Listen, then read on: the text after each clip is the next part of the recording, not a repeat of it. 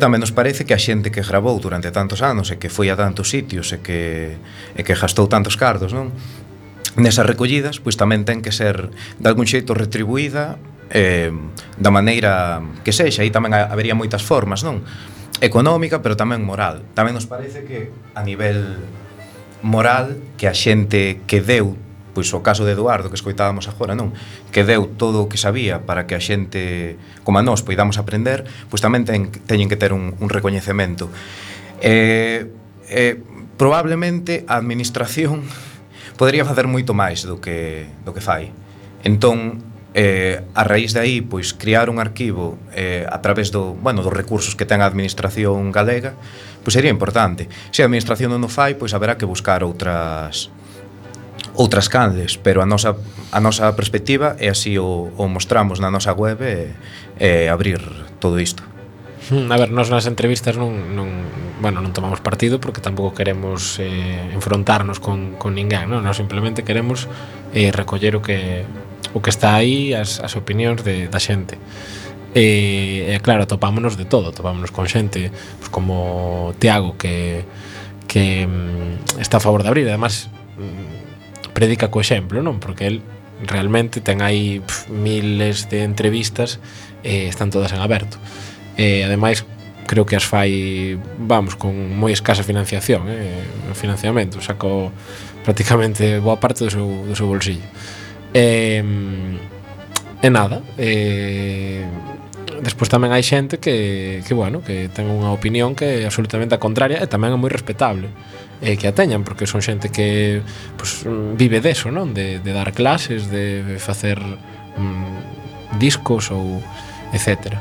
Entón, bueno, é un debate interesante que queríamos resaltar, non é o único, porque, bueno, aparte do tema este da, da función social que falábamos ao principio, eh, tamén queremos sacar varios temas eh, varios debates non que nos parecen interesantes un deles é o tema dos arquivos outro é o tema do xénero eh, que, bueno, por comezar aí... por, no, por comezar por algún sitio realmente, aparte de non los dous, hai outras dúas rapazas que hoxe desculpamos a súa ausencia. Bueno, non? sí, é verdade que non falamos delas nada. Entón, Olaya e Raquel, non, estaba así reservado. Un saúdo para elas. Estaba reservado por un momento. Agora que falamos tamén do xénero, do papel da, da muller, porque sí que creemos que mm, hai moitas formas de entender a tradición e de representala, pero sí que creemos que hai que darlle unha volta a certas cuestións, como viñamos dicindo non durante a entrevista, e unha delas é, é a cuestión do, do xénero. Realmente, se o que queremos facer é pois mostrar, digamos, a digamos, facer unha representación máis etnográfica, pois o mellor poderemos representar as cousas tal como as gravamos aí, como hai grabacións de hai décadas, non? E, e claro, se o papel da muller pois era é un papel que non é o que ten hoxe na sociedade ou que, ou que queremos que teña, pois teremos do que representar así. Pero se queremos seguir transmitindo a, a nosa música e que a nosa música siga viva, pois non hai por que preservar todo, inda que non nos guste. Me parece, bueno, estou totalmente de acordo e penso que daría para para que moita xente reflexionase, polo menos, sobre todo isto. Pues eu, eu no, no tema este que estábamos a falar de do debate, eu penso que realmente non hai debate Sinceramente, eu penso que non hai un debate, hai un tema moi claro. Hai a xente que sí e a xente que non. E a xente que non só vai cambiar por un, por un motivo. Cartos.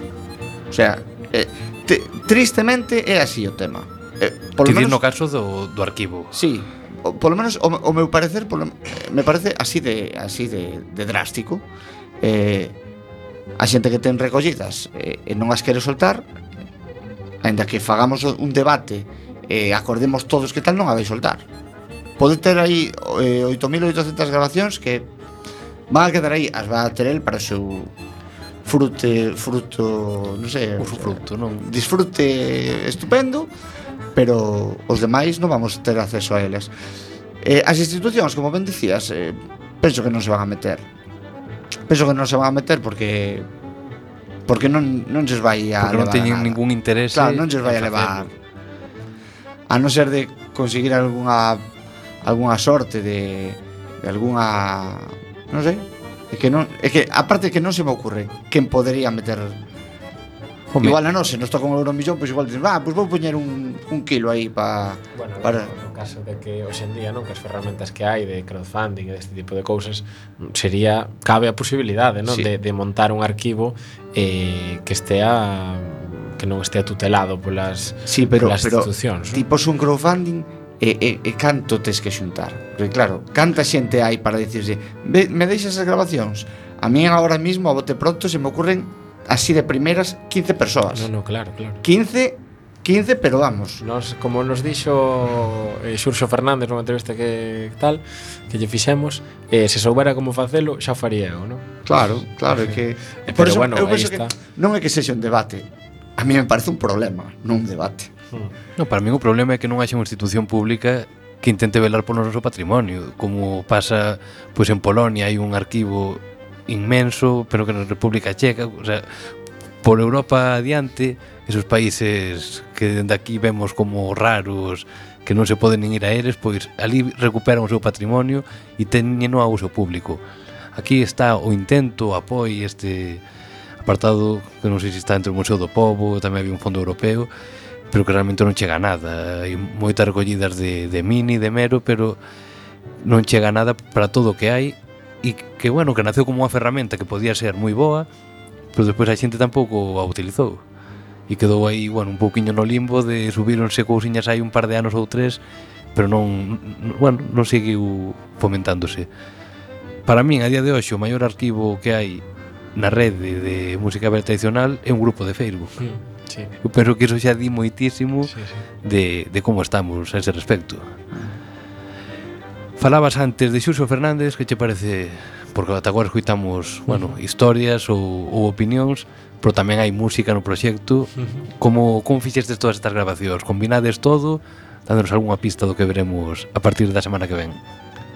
Eh, pois por unha parte eh, o material estará dividido eh, en nas entrevistas, non? Por temáticas, digamos, vídeos mm, de non máis de 4 minutos, se é posible, porque, bueno, na época na que estamos eh, a xente baixeche, non? Se te pasas moito de, de longitude. Eh, eso por unha parte, as entrevistas e as pezas e os bailes irían por outra, non? Eh, pero bueno, despois estaría todo eh, todo accesible na web, na nosa canle de YouTube tamén, e eh, bueno, estaremoslo publicando, comentando eh, a través de Facebook, claro. Pois imos escoitar a Xurxo Fernández cantando a muñeira de Brandoñas de Zas nun lugar ben emblemático da Coruña, mm. o que mm. sempre está ben nomear. Contaderos onde foi feita a ent- a entrevista. Na librería Sisarjas, desinteresadamente e moi moi a justo estivemos ali. Maravilla de lugar.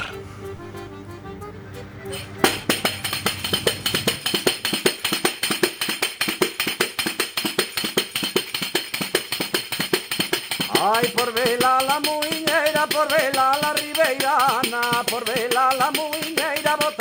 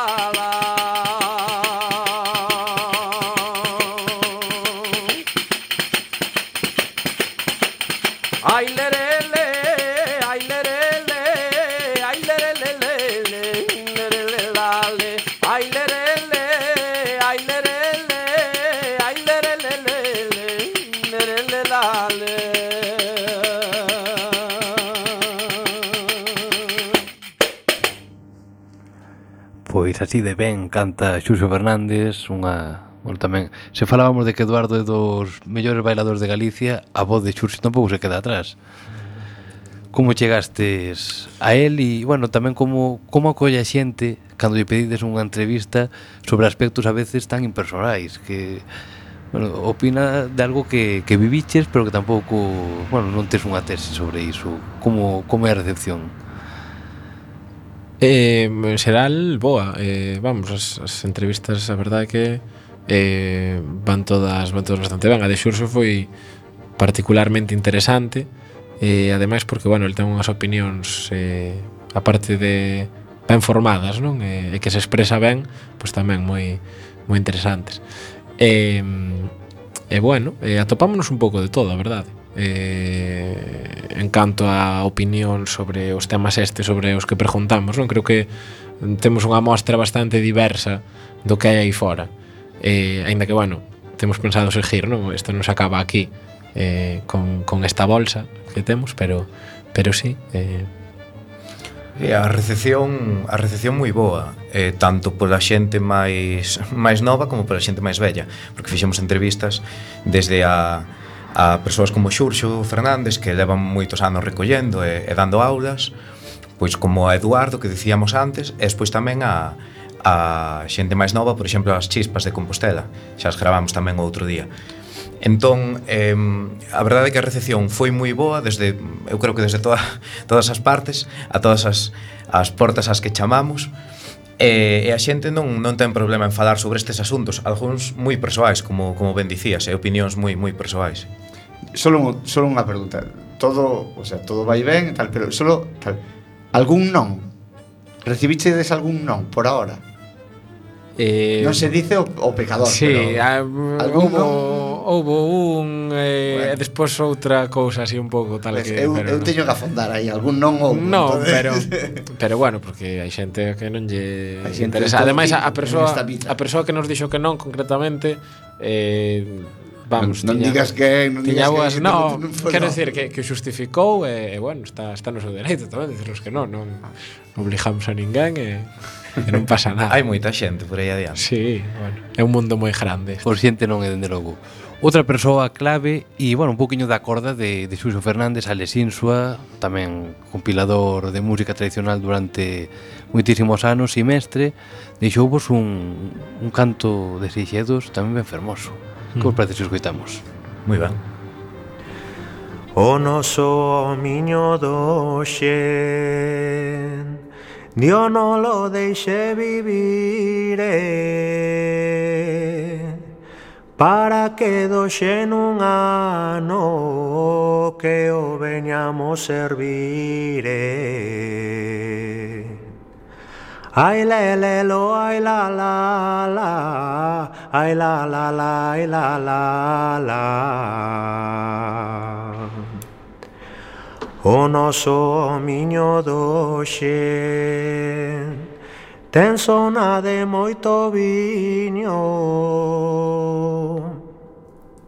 Anos de levar a casa da cabalo dun burriño. Ai lelelo, ai la la la, ai la la la, ai la la la. la. Pois este Alex, para que non o coñeza, contádenos un poquinho quen é. Eh, bueno, pois eu coñecíao principalmente por ser o, o mestre das pandereteiras de Baio, que é onde son eu. Eh, pero bueno, tamén é o, o director das pandereteiras de, de um, Cantijas, en Santiago.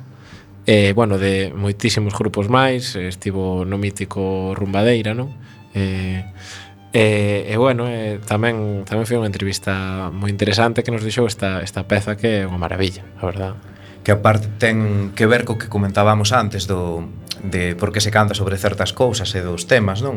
Realmente isto demostra que non é isto non é unha actividade máis, senón que hai moito detrás e temos tamén un patrimonio un patrimonio que hai que entender e hai que transmitir. Cara onde avanza punto e volta, a onde tedes pensado chegar como, como plantexades así a, a medio prazo? Donde chegan os cartos. Faise camiño a andar, que se di. Eh, non sei, non temos unha data de, de finalización, dependerá, pois eso, eh, da nosa disponibilidade, dos nosos recursos económicos, e das nosas ganas de seguir, no? que por ahora eu creo que as temos intactas, ainda temos máis incluso que, que ao principio, pero pero bueno, xa se verá. E cousas para gravar, podemos botar a vida que non, non acabamos. Iso por suposto. Hai unha sorpresa, unha primicia, o, bueno, os seguidores de Punto e Volta podían ver estes días un novo vídeo de Richie un magnífico, bueno, saxofonista e, e todo o que lle poñas por diante sí, vai a facelo eh. ben. Todo terreno. E, bueno, Pasaba o tren por detrás. Quen é Richie? Para que a xente que non o coñeza. Pois así, en, en poucas palabras, eh, Richie, en primeiro lugar, é un veciño daqui da, da Coruña que leva moitos anos no mundo da música, non só da música tradicional, senón de outras músicas, pois de banda, e, eh, eh, realmente des, eh, o seu proxecto de, de fin de, de, do grau superior do conservatorio foi precisamente darlle unha volta ás músicas da recollidas á súa boa, que é de Cerceda, da Villa da Igrexa. Entón a nos pareceu-nos moi interesante porque o seu proxecto realmente é un proxecto de jazz a partir da música tradicional galega e da música que se lle recolleu precisamente a súa boa que recolleu Dorote Xubar en Cerceda hai, hai xa pois, máis de 30 anos. E é relevante isto porque el puido acceder a estas músicas precisamente por, por ter acceso aos arquivos de que Dorote Xubar grabou. E, e desde, pois así, un pouco de rebote acabou chegando a eses arquivos con estas pezas Dez anos despois de que morrera a súa aboa, algo que para el foi realmente emocionante E a partir de aí, pois, en Foliada na Vida, que é o, seu, o nome do seu proxecto, do seu grupo Pois, pois está tocando estas pezas Isto é un, E o que imos escoitar eh, agora é un canto de Nadal recollido ali na, na Vila da Igrexa e adaptado para o saxo de, de Richie. Pois agora imos escoitar un canto de Nadal de aquí da Vila de Igrexa que miña boa recorda de cando ela era nena e iban polas casas cantando eh, unha recua de xente con, con este canto de Nadal da Vila da Iglesia de Cerceda.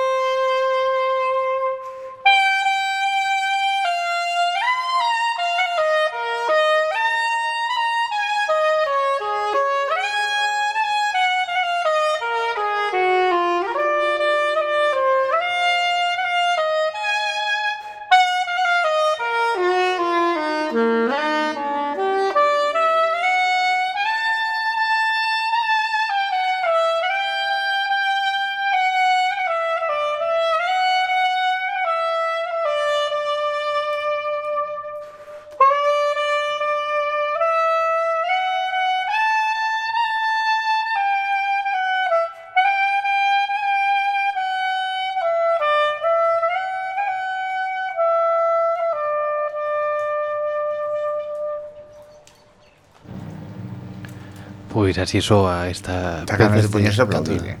Sí, sí. Aplaudiremoslle cando vexamos en directo. Supoño que un vídeo que estará disponible en canto saque de la web, pois desexando que o fagades para velo enteiro. Si, sí, además a de Richie vai ser unha das primeiras catro entrevistas que publiquemos, o sea que estará aí o lunes. E, eh, xa. bueno, aparte do, supoño que veremos a entrevista e sacaremos conclusións, pero dicir xa de primeiras que Richie das persoas máis interesantes que coñezo en relación á música tradicional, pero tamén outros aspectos, como dicíades, acaba de sacar o título o sea, de saxo jazz eh, no Conservatorio Superior, entón de música algo sabe, e bueno, este Foliada na Vila, ese proxecto maravilloso con pezas da súa boa, cunha banda increíble, a verdade, que eses son os proxectos que deberían moverse máis, e non, non outros, pero bueno, bueno que damoslle moitas grazas a, a Richard Ricardo Casás por todo o seu traballo e toda todo o que fai. E haberá que traelo por aquí. Cando queira. Mm.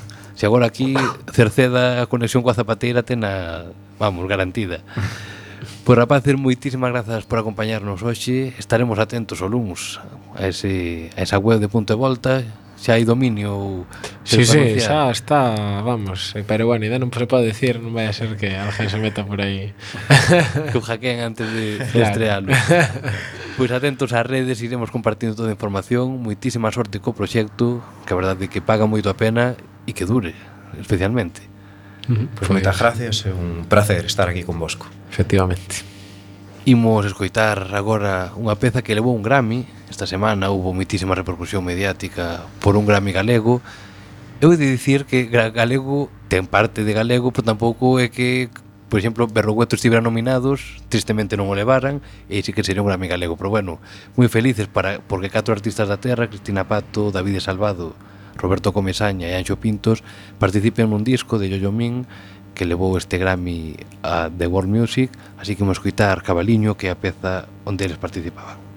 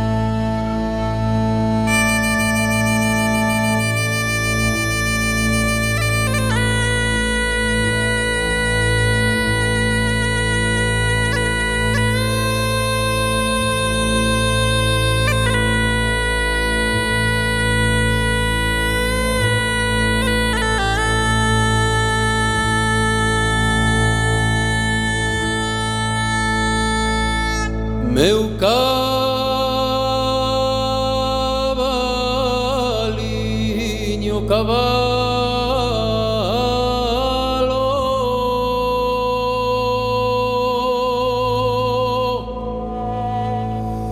Meu cavalo.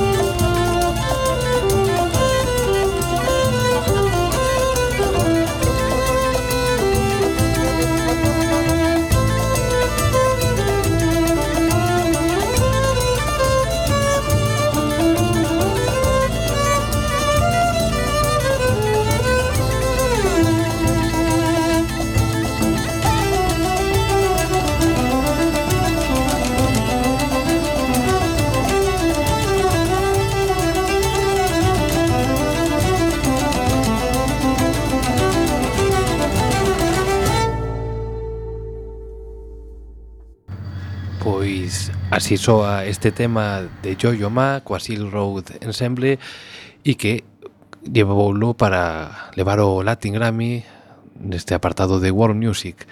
Parabéns, pues, especialmente para Anxo, Cristina, Roberto, eh, que me falta? E Davide. E Davide. Home, Davide si era a voz, non, sí. non se podía negar. E, eh, bueno, tamén moitísimas grazas aos rapaces de Punto e Volta, proxecto interesantísimo, e este domingo hai nas encrobas tamén unha cita que non se debe perder, agora tamén a diremos no tempo de axenda, que se lle parece podemos ir con el.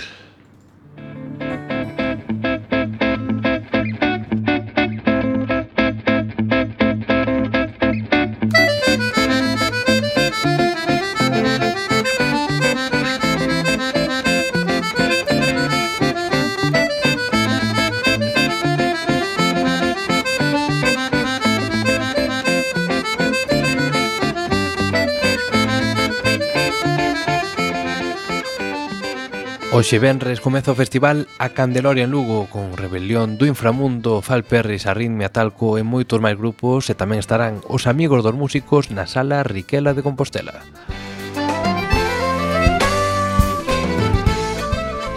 Mañá sábado 18 continúa o Festival A Candeloria en Lugo con Ruxe Ruxe, Daqui da Ría, de Lombaos, Sociedade Anónima e Gatillazo. Os herdeiros da Cruz actuarán na Sala Vaca en Ponferrada Os amigos dos músicos no Clavicémbalo de Lugo, SES actuará no Auditorio de Burelas, 9 da noite, María José Pérez no Roi Xordo de Allariz, eh, Os Carunchos no Avante en Compostela, no Avante. Home, non. Mi madre, pero aí van estar todos xuntos, toda a xente va a estar apretujada. Pero como debe ser, é eh? como se crea a metade.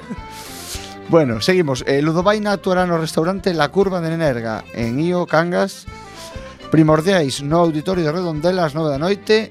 Primeira foliada da Vila de Meira Foliada Balboa Feroz en Balboa, no Bierzo E serán en Santiago de Oliveira No Centro Cultural de Os Muiños de Oliveira, en Ponteareas Tamén hai dúas citas para o domingo 19 Os Chavellos en Vilar de Infesta en Redondela a partir das 6 da tarde E Áureas no Salasón de Cangas a partir das 20.30 horas. Bueno, xa comeza a animarse a cousa, non? Sí.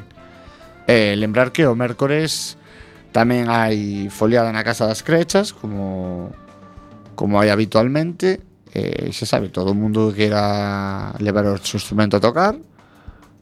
O meso xa, xa é un fixo. Sí. Aí non, non me falta máis. Dicir ademais que comentábamos que o domingo a partir das 12 menos cuarto no campo de fútbol das Encrobas quedarase para facer un roteiro recordando todo, bueno, todo acontecido nesta aldea.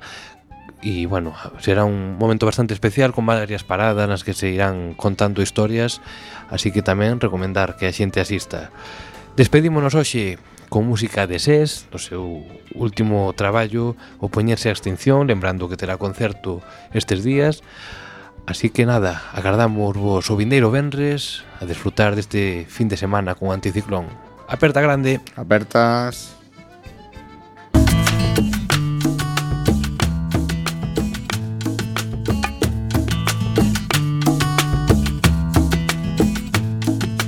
Esta nena pequeniña con mirar de feiticeira Esta nena pequeniña con mirar Ten os ollos e a cariña, ai da miña compañeira. Ten os ollos e a cariña, ai da miña compañeira. Ten a cara moreniña como o trigo e o centeo Ten a cara moreniña como o trigo e o centeo Os dediños de serea e a cibeche no cabelo. Os dediños de serea e acibeche no cabelo Para que Sariña durma o papá vai na rolar? Para que Sariña durma o papá vai na rolar eh? Vai aprender mil cantigas e a mamá vai as cantar? Vai aprender mil cantigas e a mamá vai as cantar? Ai la la la, ai la Ay la la la la, ay la la la, ay la la la.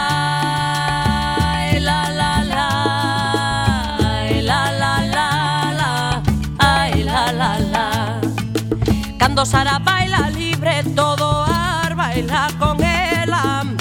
Cando Sara baila libre, todo ar baila con ela. Dallo recendo da rosa se a dozura da canela. Dallo recendo da rosa se a dozura da canela. Dalle tamén a frescura do candor e da verdade. Dalle tamén a frescura do candor e da verdade. A vida do manancial máis a riqueza da humildade. A vida do manancial máis a riqueza da humildade. O calor do amor sincero e a claridade do viso O calor do amor sincero e a claridade do viso Dalle melodía e canto e a ledicia do seu riso Dalle melodía e canto e a ledicia do seu rir E agora que chegaches a pequeñiña. Con ledicia de río en paz de serra. Con tambores de mar e voz de terra. E traemos unha fervenza de flores. E un arco de chuvia de mil cores.